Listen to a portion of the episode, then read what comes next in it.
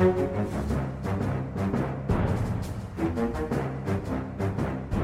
men Da kjører vi i gang med en ny, ny uke i Aftenpodden, eh, rett og slett. Det er eh, Trine Eilertsen, politisk redaktør. Hallo. Hei.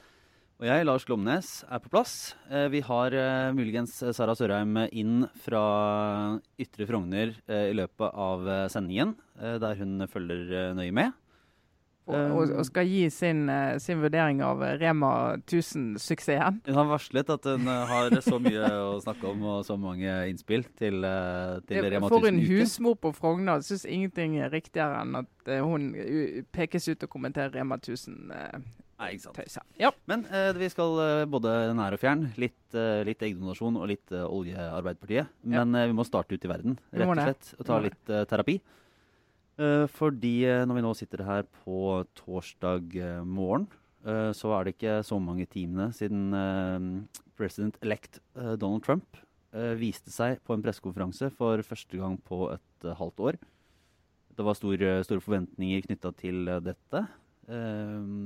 Få høre hva han nå har å si, og få, egentlig få stilt åpne spørsmål til ham. Ikke minst etter denne forunderlige og smått absurde mm, rapporten som ble levert eh, til eh, etterretningstjenestene eh, i forkant, og omtalt da, i, i mediene og mainstream media for første gang på, på tirsdag, Mm. rett og slett. Den rapporten som, som hevder at, at Trumps ansatte skal ha hatt utstrakt og langvarig kontakt med russerne, og at russerne skal ha sørget for å ha informasjon for å kunne presse Trump i eh, ja, ulike retninger, og det, i det hele tatt ha noe på den. da. Ja. Dette, jeg vet ikke om vi skal si at det slo ned som en bombe, men det har jo skapt en enorm, enorm mediedebatt. Og, og plasserer seg jo midt i hele nyhetsbildet fra valgkampen, egentlig. Ja, det gjør det. Og det har jo vært en stor debatt om hvordan mediene har håndtert denne såkalte rapporten. Eh, og da har jo BuzzFeed, er en av de nye store nyhetsorganisasjonene som er helt uh, digital, eh, har bygd seg opp og blitt uh, egentlig ganske anerkjent. Uh, og, Startet med bare kattevideoer og Vås, og så har det Ja. egentlig blitt bygget seg opp mot, mot mer si, seriøse nyheter etter hvert. Ja, det har de gjort. Og de valgte da å lenke til hele rapporten. Med utgangspunkt i, i premisset at eh, dette må leserne Folk få lese selv og gjøre seg opp sin egen mening. Eh, mens eh, mesteparten av eh, mainstream media har jo ikke gjort det. Men de har jo sagt at uh, vi vil ikke gjengi det som står der. Uh, for det klarer ikke vi klart å verifisere. Men vi vil jo fortelle at dette er blitt et tema i brifingene av den kommende presidenten og sittende presidenten, og at det er noe etterretningstjenesten forholder seg til. Og det, og det kan jo ja, det, det vet man jo rett og slett ikke om det foregår en, en faktisk etterforskning av disse påstandene. Men, men det har jo vært et tema, da. rett og slett. Det vet vi. Og det, det har jo vært nyheten som ble fortalt bl.a. av CNN. Og de begrenset seg til å, å konstatere det, mens BuzzFeed la ut hele, eh, hele, hele rapporten. uh, uten at Donald Trump uh, lot seg merke av den forskjellen. Han, han slo til med, med alle de store sleggene han har, og kalte både CNN og BuzzFeed og diverse andre for, for fake news. Ja. It's a disgrace. Ja. Var vel ordet han brukte. Og det er jo eh. Mm. Og det er jo et problem uh, når han eh, hiver de som faktisk da ukritisk refererer eller lenker til denne rapporten, og bare rett og slett frasier seg redaktøransvaret, som jo er at du publiserer ikke ting, du lenker ikke til ting du ikke har gjort en vurdering av uh, ektheten i. Eh, og særlig denne typen eh, påstander og opplysninger. Det, det er jo ikke mulig å bare sende det ut i verden og si at folk får lese det og gjøre seg opp sin egen mening. Det er jo på en måte det postfaktuelle samfunnets kjerneproblem. Det er jo den logikken der. Altså At BuzzFeed gjør det, det mener jeg er helt sånn drepende for deres troverdighet. Eh, CNN gjorde ikke det, men Trump ser ikke forskjellen. Eller vil ikke se forskjellen. Han, ikke, han løfter opp CNN og sier altså til de at de driver med fake news, nekter å svare på spørsmål fra eh, den eh, politiske reporteren som eh, jobber med Det hvite hus. Og, og går rett i strupen på egentlig de fleste medier som overhodet har omtalt at dette er en sak. Og da, da har både vi og han et problem, hvis dette skal stå sånn utover i 2017 og være som vi snakker om den type problemstillinger på. Fordi, men det var jo Han har jo hørt redaktører også i norske medier, og der jeg har jobbet, som har, har sett på dette idealet fra nettalderen. Da, at man kan, kan, legge ut det som er av informasjon, og la leserne i størst mulig grad vurdere selv uh, hva de vil ja, om ikke akkurat tro på, så hva de vil uh, legge vekt på, og hvordan de nå kan, uh, kan, se det, for å se oss journalister i kortene. Ja. så er det jo en glidende skala, men, men ser vi nå at mediene ja, heller nå begynner å hegne om sin egen rolle som portvokter? Altså, er, det en, er, det en, er det en viss sånn egeninteresse i det òg? Ja, altså jeg tror eh, når vi, når vi, skriver og lenker til de kildene vi har brukt, så mener jeg det er veldig veldig ryddig. Og det gir leserne mulighet til å gå inn og lese den statistikken jeg har lest når jeg lager min kommentar. Uh, og vise hvordan jeg resonnerer og sier jeg bygger på denne kilden, jeg bygger på den SSB-rapporten, jeg bygger på den NOU-en. Jeg har lest den artikkelen i sånn og sånn tidsskrift. Eh, så kan leserne gå inn og se. Når de leser det, havner jeg der som eh, Trine Eilertsen havnet, eller hun misforstått? Har hun vært selektiv når hun har plukket fakta? Så du kan få en mye mer interessant eh, diskusjon. Men det er jo fremdeles mediene sin jobb og min jobb å ikke lenke til å bygge på hvilken rapport som helst. Altså må, der er jo kvalitetssikringen av hvem du lenker til. Den må jo ligge i redaksjonene, hos redaktørene og journalistene. Eh, og Hvis vi lenker til hva som helst og sier at det er ingen kvalitetsforskjell, så lenge det fins, så er det relevant. For sånn er det jo ikke. Vi kan ikke bare lenke til en rapport eller en, eh, et innlegg med masse påstander mot uh, en Donald Trump eller andre som vi ikke har veldig stor sans for, og si at dette syns jeg dere kan lese og vurdere selv. Eh, jeg vil nå bare skrive om at dette fins, og jammen er det sterkt. Eh, det, det, det, da, da, da, frasier du det redaktøransvaret. Og hvis vi frasier oss redaktøransvaret, så er jo ikke vi relevante lenger, de, de store mediene. Hvordan, Jeg skal egentlig ikke fortsette altfor lenge på det her, men hvis man er så prinsipiell og, og, sterk, så dukker det opp noen spørsmål f.eks. For, for Aftenposten, i den man har publisert store deler av, av gamle Wikileaks.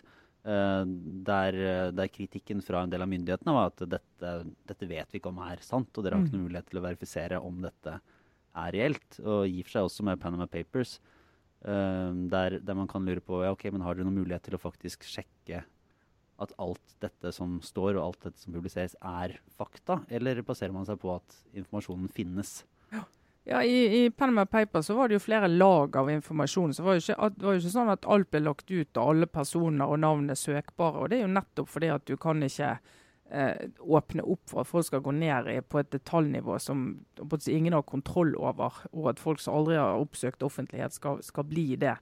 Eh, fordi at vi lenker til, til det bare sånn uten videre. Så men det er klart at det er dilemma for oss i mediene når vi sitter på den type materiale. Vi kvalitetssikrer det vi omtaler. Men når vi legger ut hele filer med kilder vi ikke helt kjenner eh, arbeidsmåten til, eller eh, eh hvem som er oppdragsgiver, så, så er det dilemma der som jeg tror vi står oss på å være veldig bevisste rundt. da. Mm. Men eh, hvis en skal gå over til, eh, til resten av, av denne pressekonferansen, som var en, en, ganske spesiell seanse, må sies. Du kan ha en viss terapeutisk uh, tilsnitt ved, ved, denne samtalen. Hvordan, ja, nei, altså, hvordan var det å se, se verdens mektigste mann ja. Første gang i møter pressen på et halvt år? Ja, jeg, jeg kjente av det du, du vet når, når, ting har rammet deg, eller det har skjedd en veldig stor om ikke tragedie, så i hvert fall Altså, det har skjedd noe veldig dramatisk, da. Uten å skulle, skulle Uten å på en måte legge for mye i dette, men det har skjedd noe veldig dramatisk. Og så skjer det, og så får du litt sånn sjokk når det skjer. Så, men så er vi jo skrudd sammen som vi mennesker at vi venner oss jo ting, til ting. og Du står opp og du går på jobb og du gjør alt sammen. Og så på en måte fortrenger du litt at det har skjedd. Og I går satt jeg og så på den pressekonferansen og tenkte dette er en litt sånn situasjon for meg. For jeg, jeg har på en måte fortrengt litt at, at dette har rammet oss, må få lov å bruke det ordet. Uh, så kommer den bølgen? Nå kom det en bølge. Jeg satt og så på det og tenkte dette er jo helt utrolig det er ikke mulig at jeg sitter her og opplever dette og er en del av et samfunn som er nødt til å forholde seg til dette. Så jeg synes det, det er så vondt å se på. En sånn bisarro opplevelse, men vondt, må jeg få lov å si. Så var vi ferdig med terapien i dag. Ja, ja nei, men det, det, trenger, det trenger, trenger, litt av det. For det er, jo, det er, jo, helt forunderlig å se når man er så vant til å se eh, egentlig, egentlig statsledere stort sett over hele verden ha en, en, måte å snakke på som er ganske sånn avmålt. Og, og Barack Obama som I hvert fall gjennomtenkt. Sånn, ja, som, som, gir inntrykk av at, uh, at dette At du, har, du, er klar over vekten i ordene som velges mm. uh, når du er president, eller påtroppende president. Og så ser du en, en, Donald Trump som bare ruller på. Han er uh, og plutselig så ja, innskutte setninger overalt, og omtaler seg selv i tredjeperson, og skjeller ut noen journalister og roser noen andre, og snakker om uh, hvor, hvor, fantastisk alt skal bli. og hva er det? Han skal bli den Hva var det han sa? Den, den The best job creator God ever created, eller noe sånt. Ja, ja, ja. Det, det, det er jo ikke måte på. Og noe av det er jo litt sånn vittig, men, men hovedinntrykket er jo rett og slett at dette er Altså, hvis det er det som er å være elitist, at du ønsker at en av de som sitter med mest makt i hele verden, tenker gjennom det han sier, har en plan for det han gjør, ja, så la meg være elitist. Jeg syns det er helt krise. Den, eh, altså, ja, det, er, det er utrolig mye, mye spennende å se, rett og slett. Man må jo eh, funnet, Det hjelper jo kanskje med dette lille mantraet, som er eh, fire år er ikke nødvendigvis så lang tid. Nei, det, det, er jo av og til Vi som har veldig små unger og saker for tiden er veldig syke, så tenker vi nei, men eh, fire år, om fire år, det, da er de mye større, og da er dette mye lettere. Det er ikke så lang tid. Må tenke sånn. Ja, det går.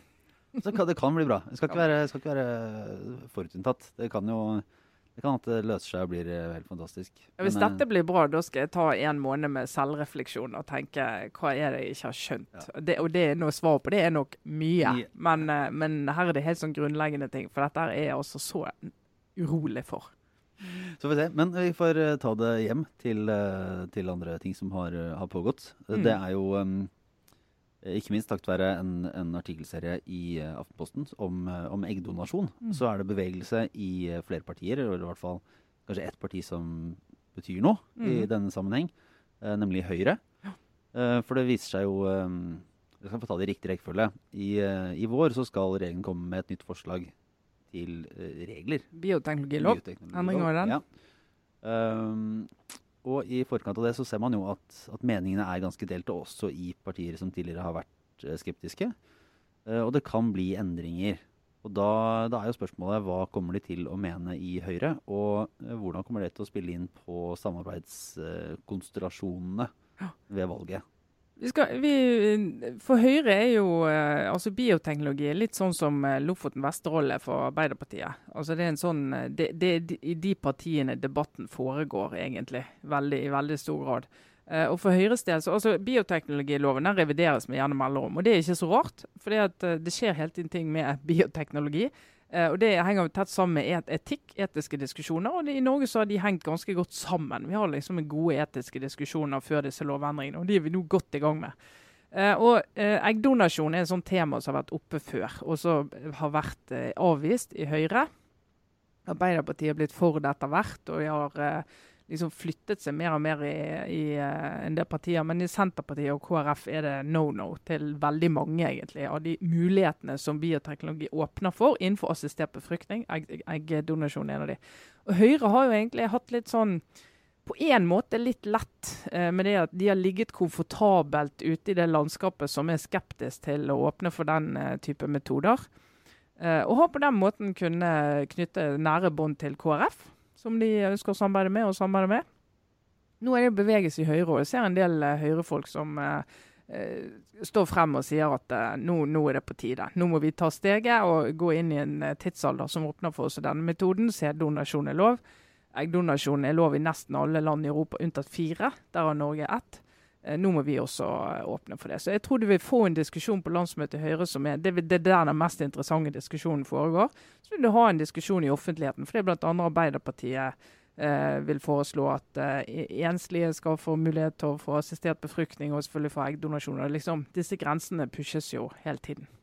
Men eh, et eh, spørsmål som, som da kommer opp, blir jo hvor viktig Høyre vil synes det er et, etter at de eventuelt har snudd, hvis de skal inn i nye forhandlinger med KrF.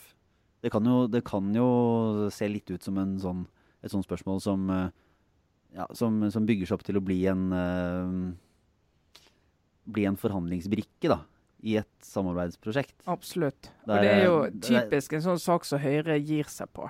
Ja, Og det ene er på forholdet til KrF. og så går de inn, og så Ja. møter de KrF, og så får de sånn Ja, men for KrF så er dette en vil være en stor seier. Ja. På en klassisk KrF-seier, der de får, får forhindret måte, det store flertall. eh, på en, et kjernespørsmål, og vil kunne gå bort eh, godt fornøyd. Og Høyre vil ikke nødvendigvis være kjempeskuffa over at det ikke gjennomføres, selv om et eh, flertall på, på landsmøtet har ment at det bør være åpnet for eggdonasjon. Ja, og så er det klart, altså, Selve teknologien av eggdonasjon angår jo veldig, veldig få. Det er ikke mange eh, kvinner i Norge det angår. sånn at Det er ikke sånn at du har svære velgergrupper som liksom løfter seg mot det. hvis du... Det er synd for en god del, men ikke for så mange at jeg tror Høyre vil liksom si at dette er en eh, kampsak for oss. I to grunner selvfølgelig. Det er jo det samarbeidets relasjon til KrF, og så er det jo det at det er ikke enighet i Høyre heller om det. Eh, så det blir jo, men, det, men du kan få en interessant diskusjon i Høyre. for Det er klart det er flere og flere stemmer i Høyre som er litt sånn Hvor lenge skal vi definere oss som et parti som ikke gå inn i bioteknologi og virkelig genuint ser de mulighetene som er der, men nærmest litt sånn på autopilot havner på, på den siden av gjerdet, av bl.a. samarbeidstaktiske hensyn. Mm. Men, eh, men hvis, man er, eh, hvis, man er, utrolig gira på å få, få innført uh, og aksept for eggdonasjon i Norge, så er det jo ikke sikkert at, uh, at veien vil være veldig mye enklere med Arbeiderpartiet. Nei, altså igjen hvis, er det en sånn sak der Senterpartiet, og, og, hvis de da, Arbeiderpartiet skal samarbeide med både Senterpartiet og KrF, så er det jo en ikke-sak. Mm. Men det, da vil du, få en, du vil få en heftigere tror jeg, reaksjon i Arbeiderpartiet. For det er nettopp den type saker som har med hva skal jeg si, kvinners muligheter til å ta valg, eh, som gjør at det er en del gniss mellom Arbeiderpartiet og KrF. Eh, litt mindre med Senterpartiet, pussig nok, for de ligger jo ikke så langt unna. Men KrF markerer jo dette mye tydeligere. Mm. Nå, nå, det er jo et, et, åpent spørsmål, for jeg rett og slett ikke vet. Hvordan er det SV egentlig stiller seg til dette nå? De var jo, SV har jo vært litt i, i strekk, men også tidligere under Kristin Halvorsen, som var mer konservativ på noen av disse bioteknologispørsmålene enn kanskje resten av partiet. Altså KrF og SV er jo skeptisk til sorteringssamfunnet. Altså veldig alle metoder som gir en mulighet til å gå inn og si at jeg vil ha et sånt barn, men ikke et sånt barn. Uh, og det er klart at og, og, alt som kan handle om å si, gjøre dette befruktning til et marked. da, At du skal kunne liksom drive med en del tilbud og, og pushe en del eh, holdninger da, som, som, de er skeptiske til. Så Kristin Halvorsen, som jo uh, er uh, Bioteknologirådet, hun er jo Hun har jo vært litt sånn holdt igjen og eh, engasjert i den diskusjonen nå, da. Men eh, ja. Ja, Men vi får nå se. det så bare, dette vet vi ikke helt Dette vet vi ikke helt hvordan det er. Uh, men vi, vel, vi, kan gå videre til, til oljespørsmålet i Arbeiderpartiet. Og Sara Sørheim direkte inne fra Frogner. Ja. Rett og slett. Klarer du å koble deg på, Sara? Ja, jeg tror det. Oh, hvis dere hører meg nå. øyeblikk der teknologien fungerte. fungerte. Det er magisk øyeblikk. Live podkast eh, i, i, best forstand. Veldig bra. Det er, altså, det er utrolig deilig å føle at man innehar digital kompetanse i sånne små blaff. Ja, hos oss, vet du. Du har ikke hatt jobb du, Sara, hvis ikke du har hatt det. Det er det som gjelder i vår bransje nå. Ja da, så jeg kan nå krysse av på Er i stand til å skru en telefon av og på underveis i en Skype-samtale. Så nå er jeg inne direkte fra, fra Briskeby på Frogner her, ja. ja men... Og har hørt dere snakke om eggdonasjon. En ja. utrolig interessant sak. Til å være så liten får den en ganske stor rolle i norsk politikk likevel. Ja, det... Men uh, nok om det. ja. ja. men eh, Sara, da kan jo du forklare oss eh, hva dette forslaget til Arbeiderpartiet vil bety for potensiell oljeutvinning og konsekvensutredning av områdene utenfor Lofoten og Vesterålen? Du Lars, Et fordel med å være i, permisjon er at man kan velge ganske selektivt hvilke saker man går inn i. Så eh, En utfordring også er at man da forholder seg til verden ved hjelp av overskrifter. Og det må jeg bare si at akkurat når det gjelder Arbeiderpartiets eh, holdning i oljesaken, det er litt vanskelig å gi en fullgod analyse av det basert på overskrifter. For hva er det egentlig de mener? De prøver ikke sant, Trine? Nå ser jeg på deg sånn eh, over eh, hustakene her. De prøver jo å gjøre alle til laks. Og det kan da umulig være en veldig god strategi. Nei, altså, Har jeg forstått det riktig? Ja, ja. Altså, ja da. Det er, det, det, hvis du skulle vært veldig tabloid og funnet den ene heftige tittelen som uh, som samlet Arbeiderpartiets standpunkt i den saken, så tror jeg du hadde Da måtte du på virkelig tøffeste kjernen av VG-desken og bruke fagfolk, altså, for dette er ikke veldig lett. Eh, men nei, det Arbeiderpartiet har gjort og igjen, altså som jeg nevnte i sted, Dette er jo på en måte parallellen til bioteknologi. Som er interessant i Høyre, så er Vesterålen, Lofoten og Senja er interessant i Arbeiderpartiet. Og Det er ikke fordi at ikke andre mener noe, for de mener sterkt, men de mener det samme som de har ment før. Det er ikke så mye bevegelse. Men i Arbeiderpartiet så har det vært eh, splittelse hele tiden.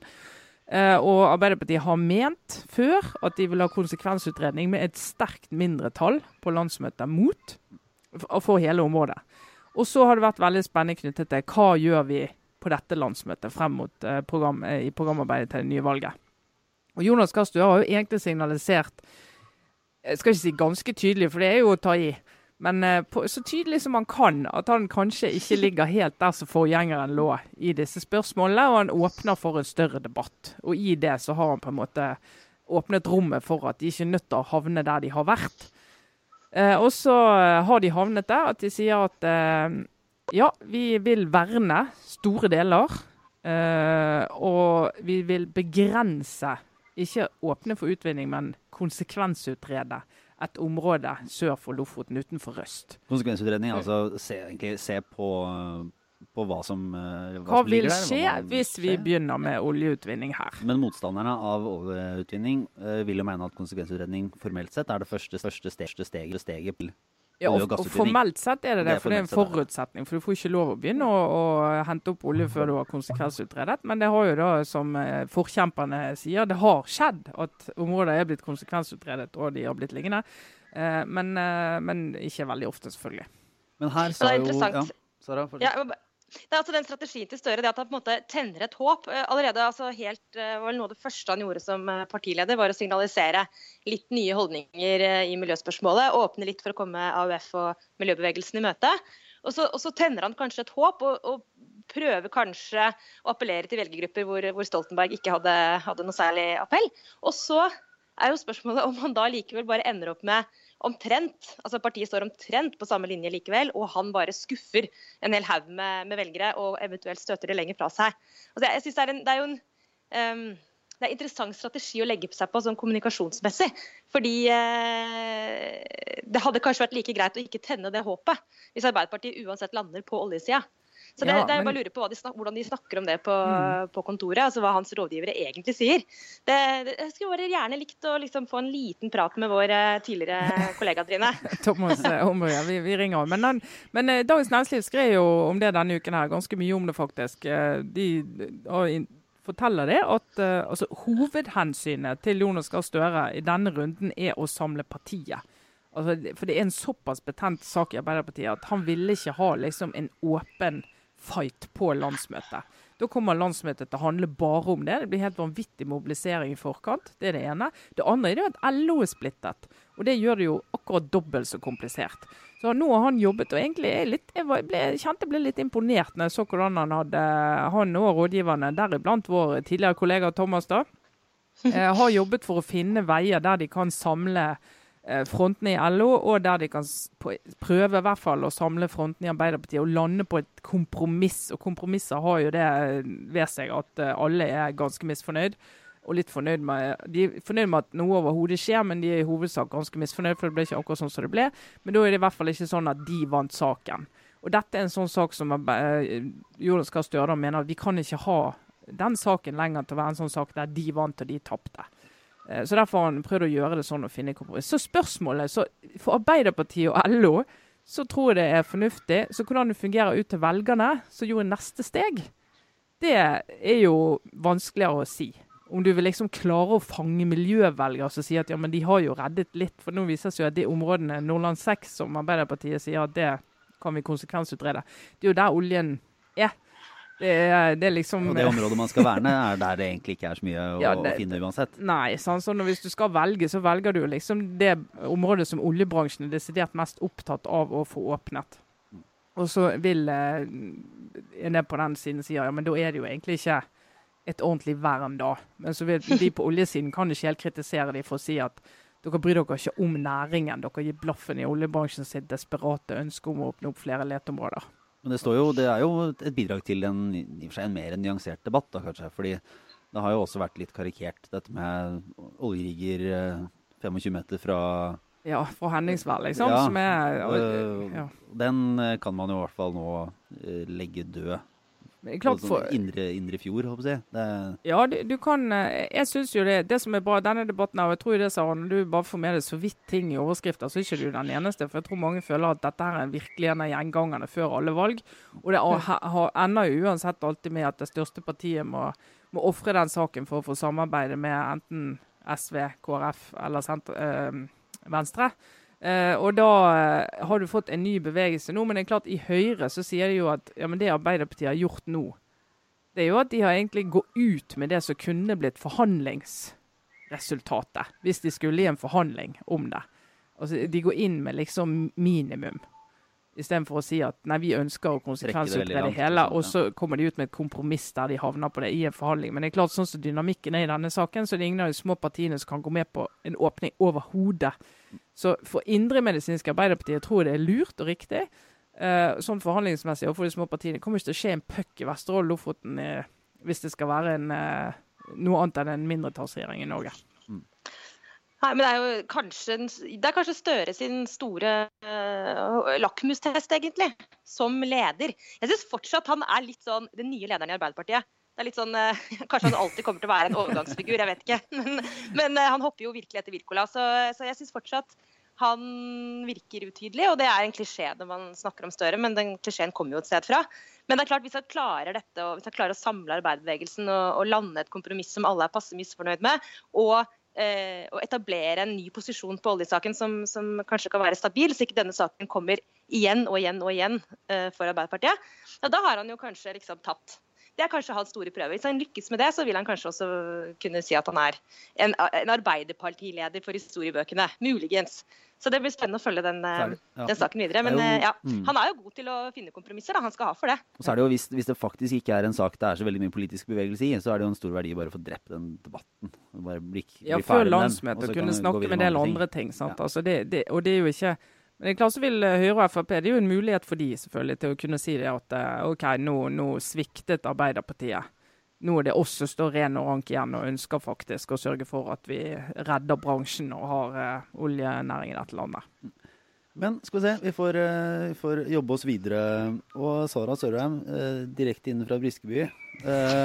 Ja. Hvordan går det med din obligatoriske refleksjon denne uken, eller ut av denne uken? Ja, altså Som våre kjære lyttere kanskje legger merke til, nå har jeg noen få uker igjen i min permisjon. og da, Nå er jeg virkelig god på å prioritere. altså Går knallhardt inn i noen saker, eh, og så overser en hel haug med andre. Det er et privilegium man ikke har som redaktør i jobb. Da må man egentlig forholde seg til nyhetsbildet sånn ut fra viktighets- og vesentlighetskriteriet. Men det, det, har jeg nå valgt bort. og Så denne uken har jeg egentlig brukt eh, all min sånn, eh, hva skal jeg si, sofaenergi. altså sånn sitte på sofaen etter at barna har sovna og liksom irritere seg over noe, eller eventuelt le av noe, det har jeg brukt på på Rema 1000. Og det har vært så deilig. I likhet med store deler av Norge, rett og slett. Du har kost deg. Hva har vært, hva har vært høydepunktet vil du si, Sara, i denne, denne, saken, som kort oppsummert startet jo egentlig med denne æ-kampanjen, og nå har kulminert i en bikkjeslagsmål mellom Rema 1000 og masse lokale mat- og drikkeprodusenter? Ja, ikke nødvendigvis lokal, altså lokal og lokal. Eller hva er lokal? Det er nå bare norske mat- og drikkeprodusenter. Ja. ja. Altså, alt i Norge er lokalt, det er bare å slå fast. Men ehm, nei, altså, det som jo alltid er litt gøy, særlig tror jeg vi journalister elsker det ekstra høyt, det er jo når høyt gasjerte mennesker i reklame- og kommunikasjons- og PR-bransjen går på en smell. Og det er vel eh, Eller mediene. Det sånn, ja. Jo, men det er aller gøyest med de folka der ute som, vi jo, som er litt som konkurrenter. De spiser seg litt inn på vår banehalvdel. De skal liksom være eksperter på kommunikasjon og litt sånne ting som historiefortelling og sånne ting som egentlig liksom er vårt, uh, vårt yrke. sant? Så jeg blir litt sånn irritert på sånne reklamefolk som kommer og sier sånn Det handler om å fortelle en historie. Og her har de åpenbart da McCann, som er det, er det reklamebyrået som, eh, som, Rema 1000 har brukt. Her har de sikkert overbevist uh, Reitan uh, for lengst om at de skal fortelle en historie om uh, så sikkert en slump av uh, trønderopphav og folkelighet. Og de har lagd en hel sånn pakke rundt den lanseringen av denne appen Æ. da. Og det som da er litt gøy, er jo når det backfire totalt og kollapser. Da klarer jeg ikke annet enn å være litt smålig og sitte og le. Uh, og da kjenner jeg også på sånn for meg ganske sjelden og god følelse av å være litt sånn jeg, jeg lurer på om jeg ikke kanskje er faktisk litt folkelig akkurat nå. på lang med folket. Ja, nei, det har jo Men det, det, er jo det som er Altså, tanken til Rema, sånn som jeg har forstått det, eh, er jo at eh, vi, vi, er nødt til å rydde litt i hyllene våre. Vi er nødt til å konkurrere på, i forhandlinger med de store grossistene og leverandørene. Få bedre avtaler der, for det har konkurrentene våre. Ja, og det er bare for å skyte inn det. Ja, for å få det så må vi rydde vekk noen av deres konkurrenter igjen. Altså, vi kan ikke ha alle syltetøyene. Vi, vi er nødt til å ha avtale med noen. Og så rydder vi da plass i hyllene, og i den ledige plassen skal vi finne en sånn kortreist lokal Virkelig lokal. Sånn nærmat, liksom. Sånn ja, du får det bare i denne bygda-type mat. Eh, og på den måten øke mangfoldet. Så det er jo, det er jo en tanke som går an å, å forstå. Ja. ja, og utgangspunktet her altså er jo det bikkjeslagsmålet som er i, i, matvarebransjen i Norge. Altså det, er det, det er beinhard konkurranse mellom de store kjedene, og kampen om hylleplasseringene er jo uh, utrolig eh, tøff, altså. Og det er, det er, eh, rett og slett sånn at uh, ut fra et sånt bedriftsøkonomisk ståsted, så er det sannsynligvis riktig av Rema nå å, å, ta grep og prøve å tilkjempe seg altså de, de, prøver nå en litt annen strategi enn de andre kjedene. og Sannsynligvis har de helt rett i at det økonomisk sett er lurt for dem å, å renske litt opp i utvalget. Og nordmenn er jo vanedyr, og denne appen her sørger jo også da for å understreke det gjennom at hele poenget her er at du får avslag. Hvis du tar og bruker den appen til Rema, får du avslag på de varene du kjøper oftest. Mm. Det gir jo mening på en måte. Men problemet er selvfølgelig, for å ta det først, da, eh, er jo at du snevrer gradvis inn utvalget. Fordi du, du oppfordrer til at man gjentar de kjøpene man allerede gjør. Og Sånn sett kan du si at det er synd for, for den norske forbrukeren at man etter hvert vil få kanskje et enda smalere utvalg. Det, det går an å bekymre seg for. Men uh, for meg har det kommet litt i bakgrunnen av Bare for å ta det med en gang, da. At der jeg kommer fra, så er det sånn hvis du, hvis du Altså denne æ-kampanjen, da. Hvis du begynner å si sånn Gi meg en R. Gi meg en æ. Så tar det, det tar liksom ett sekund, det, og så har huet ditt liksom rabla ned på ræva. Altså det, er bare, det er det ordet som begynner på R og æ. Og, og at McCann og Rema 1000 nå har lansert denne enorme kampanjen under overskriften Ræma 1000 det er det som gjør at jeg bare Jeg kommer meg ikke videre fra det. At ingen har sagt sånn Men dere, vent litt. Det, hvis dette her ikke fungerer, hvis folk blir litt misfornøyde Det ligger jo ganske nær Det er ganske naturlig da kanskje begynne å si ræva tusen. Og det er dette jeg har ledd av nå en hel uke. Hvordan går det an å ikke se det? Altså, hvordan går det an å være eh, ekspert på kommunikasjon og ikke se at det, eh, denne kjeden kommer nå til å hete ræva tusen i eh, uoverskuelig framtid? Ja. Men jeg har, jeg har fulgt den ja. all PR er god PR-strategien. Jeg må tenke på at denne, Hele den æ-kampanjen har vært for uh, rar for meg, så det har jeg egentlig ikke noe mening om. Uh, bare en kjapp ting om denne uh, starten på denne kampen mellom leverandørene og butikkene. Den, hva heter det? Høstjakta, er det det de kaller det? Ja, det sånt. Ja. Noe sånt som er en, den forhandlingsprosessen som går hver høst da, for hvilke varer som skal inn i hyllene. Og det tror jeg er Uh, det, det, er ikke for uh, mørkredde mennesker. Det er den aller tøffeste prosessen. Jeg kjenner litt folk som har vært på, på ulike eller Det har vel egentlig vært da på leverandørsida av dette. Og disse butikkene, særlig sånn Norgesgruppen, de holder på så hardt. Og der er det mye sånn Der er det faktisk litt sånn Jeg vet ikke om man skal kalle det tjuvtriks, men bare uh, strategisk mye sånn maktspill. Så da kan oppleve å komme inn på et møte der alle de som er på besøk, altså sitter på rekke og rad og de har tatt bort alle persienner, sånn at du sitter med sola midt i trynet under hele, hele møtet. Bare for å være litt ukomfortabel. Ja. Eller at du kommer på møte som har vært avtalt i lang, lang tid, og så må du vente i timevis. Eller noen bare sier 'Å ja, nei, det møtet er ikke i dag'. Så må du bare gå. Ja. Uh, og det er sånn hersketeknikker, da. Uh, fordi dette er, uh, dette er, store penger, og det er så Det er jo små marginer, men ekstremt store kvanta i den dagligvarebransjen. Jeg tror atomforhandlingen i Iran er kjempelett. Ja, for, det, for dette er bare Ok, hvis du har da fem øre på en, en pakke med smør, da, så, så, er det en milliard i, i andre enden, eller et, eller annet. Men jeg må jo si denne klagen på Rema 1000 blir litt, litt oppgitt. Det er kanskje da elitisten i meg, da. Nå har, nå har, norske forbrukere i 20 år ikke sett på annet enn prislappen når de skal handle mat og varer, og egentlig knapt nok brydd seg om utvalg. Og så skal det være kjempeskuffa av Vondbråten når de ikke får to typer helt likt eh, syltetøy fra industriprodusenter mm. i Norge. Da var det litt sånn Ja, OK, nå får du bare det du har bedt om. Vet, da, da, må jeg få komme igjen til et sånt sukk over norske forbrukere, da, siden vi er på, vi er på motsatt side i dag. Vi er ja. ikke på lag med folket. Enig. Det, jeg husker jeg skrev faktisk litt om mat en periode. Det var journalist. Og da eh, skrev jeg og fikk vite det at eh, den høyeste tettheten av billigmatbutikker i hele Europa, det er jo i Norge. Det er bare pris som betyr noe for oss. Og så sitter vi sånn, så reiser vi til Barcelona på helgetur, og så å, det er så bra utvalg i butikken, og det er så fantastisk. Kommer vi hjem, jeg tror 80% av det vi handler, det er det samme vi handlet forrige uke. Altså, Vi vil ikke ha variasjon, vi vil ikke ha utvalg. Og så sier jeg må kjøpe rettferdig kaffe, Lars. Det er bra. Da støtter du fattige mennesker i Afrika. Nei, på meningsmålingene så sier du ja, det skal jeg gjøre. Det vil du betale for. Men når du går i butikken, så tenker du urettferdig kaffe er mye billigere. Jeg tar heller det.